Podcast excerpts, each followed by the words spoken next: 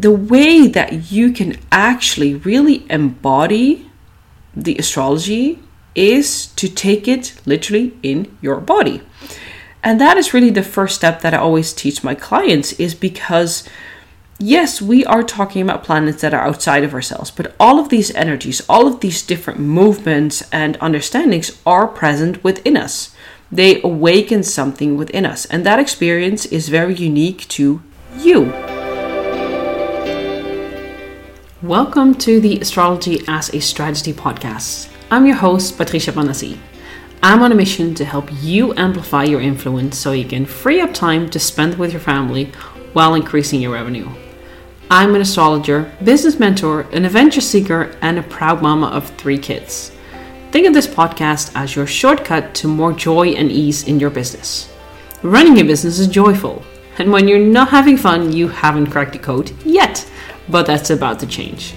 I share practical and short tools how to use astrology in your business and life. So let's get started on using your energy strategically to make a bigger impact, have more free time, and grow your wealth.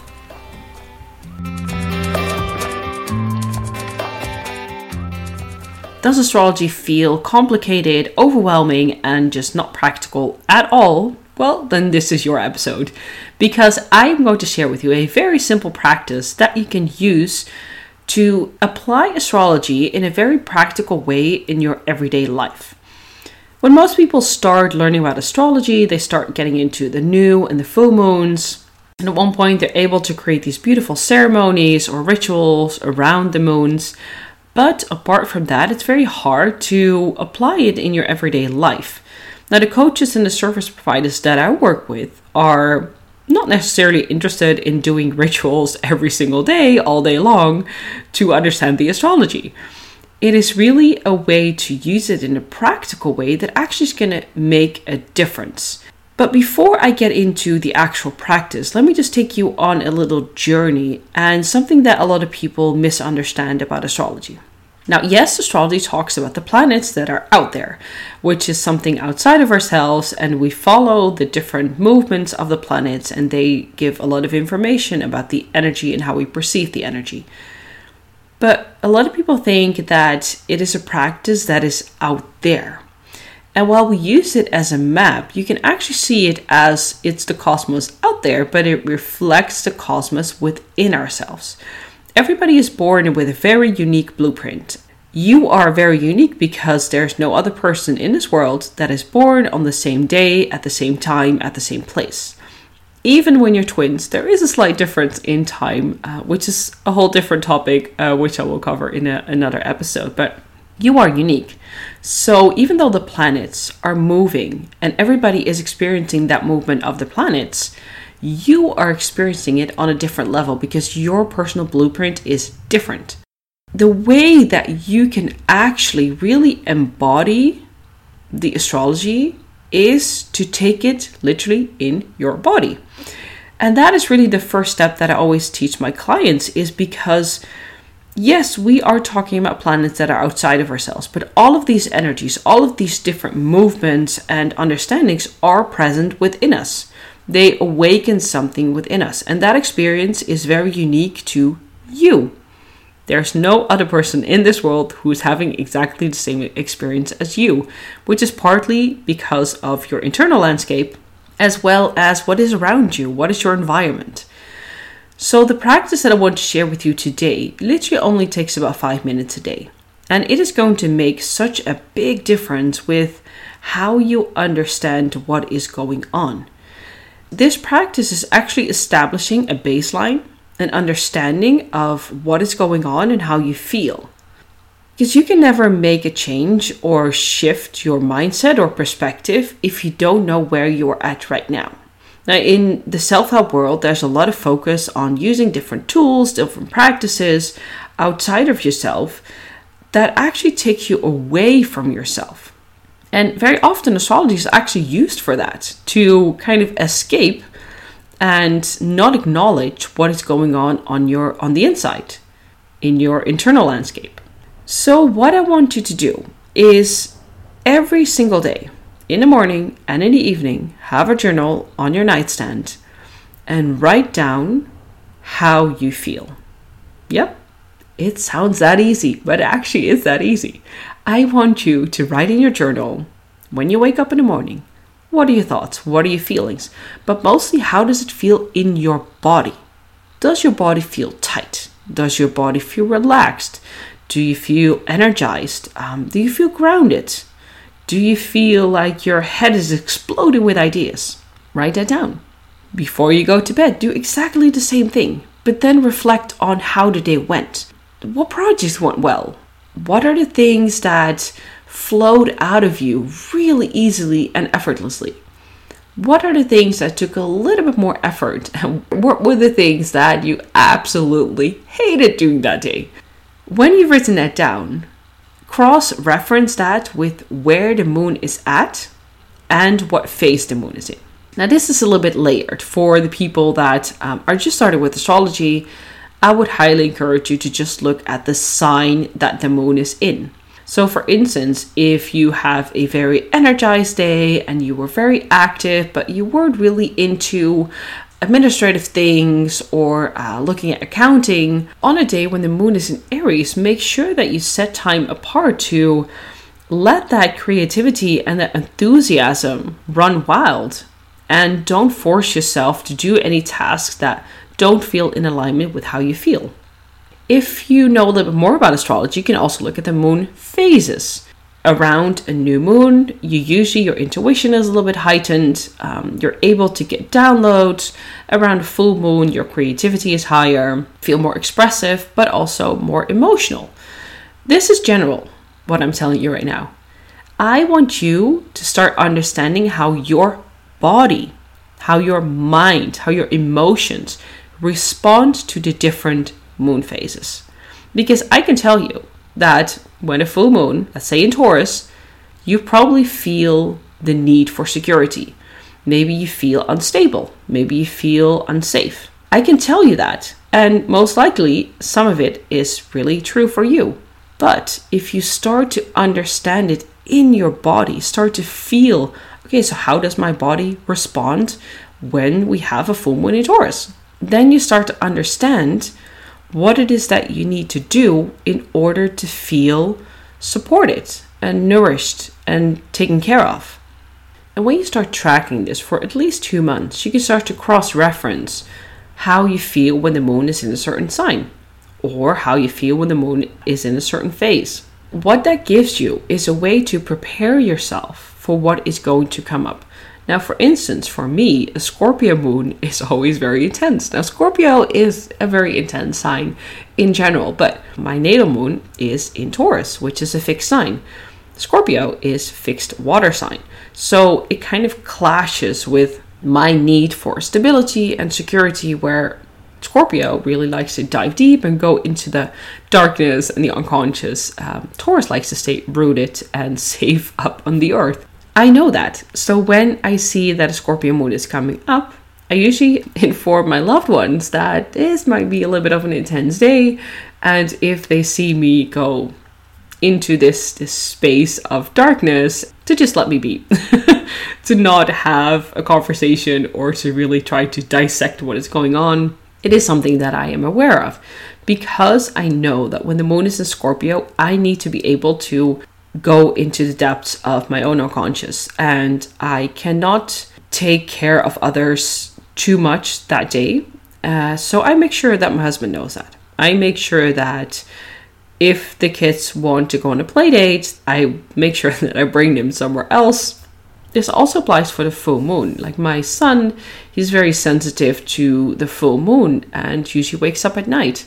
So I know that when there's a full moon, I go to bed early, I sleep early, so that when I wake up in the middle of the night, I'm not so exhausted, even like a bit annoyed that I wake up in the middle of the night. This is something that I know is going to happen. And even when it doesn't happen, even when he doesn't wake up at night, I make sure that I get a full night's sleep.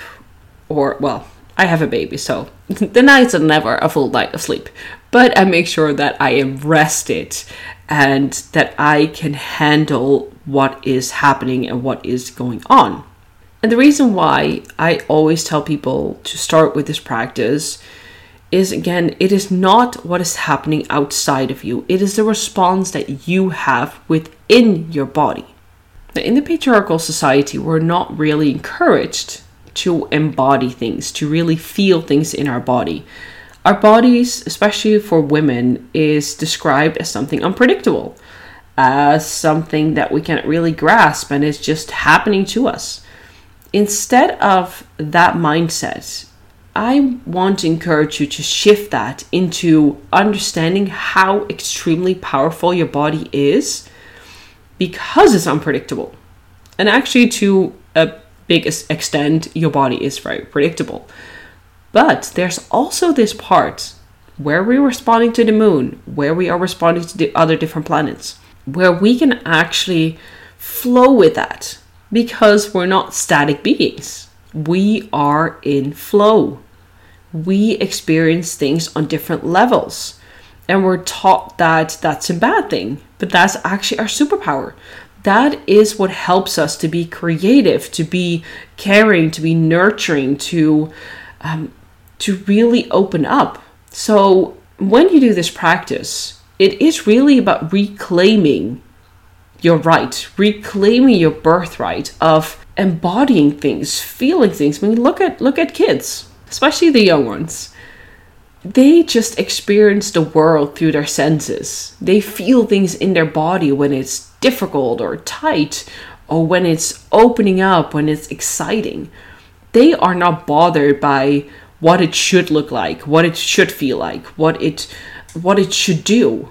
They just do it because they're only concerned with the being. We are concerned with the doing and the having, but kids are really just living in the being state. This practice will help you to get into that being state first because you need to be first in order for you to do things, in order for you to have things. Not the other way around, which we are taught you need to have things so you can do things, so you can be a certain person or a certain way. Turn that around. This practice will help you to flip that upside down to understand your value, your worthiness that is based on the experience that you have because every single emotion, every single feeling, every single thing that you're experiencing is valid.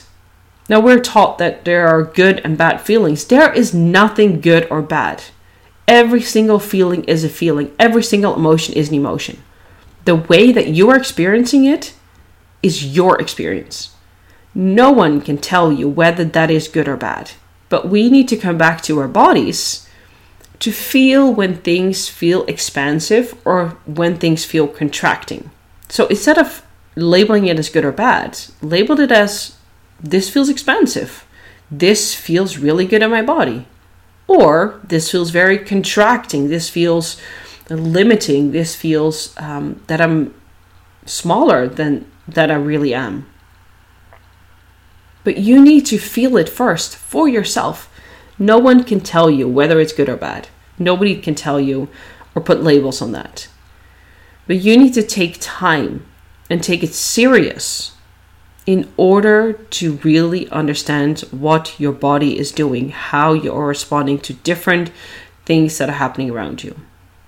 So, yes, the astrology can give you an extremely good insight into why things are coming up, why things are pushed to the forefront instead of just rolling off your shoulders we need to come back to our body first and then we add the layer of astrology to that. Now, one thing that I really encourage you is to have a planner or to look on an app to make sure that what the moon is doing and where it's at. Now, personally, I really love the Magic of I planner, which is really good at looking at where the moon is, as well as the very important transit and movements of the planets or you can use a different app that tells you where the moon is at because I want to make it as easy as possible for you.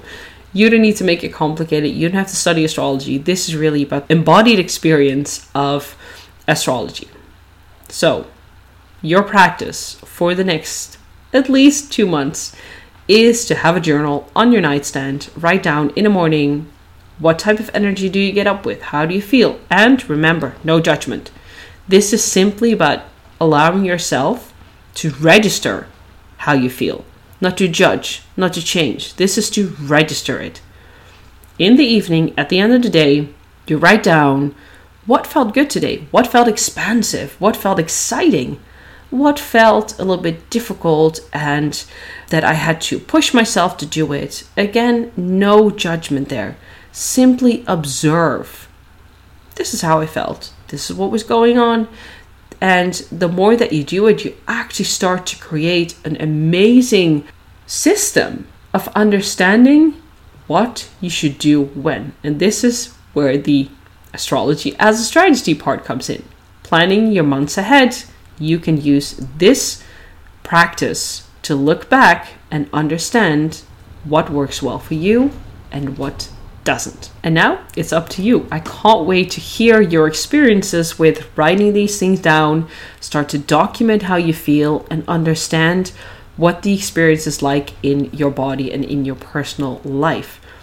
Connect with me on social media, let me know, tag me in your posts because I love to hear how this is working out for you.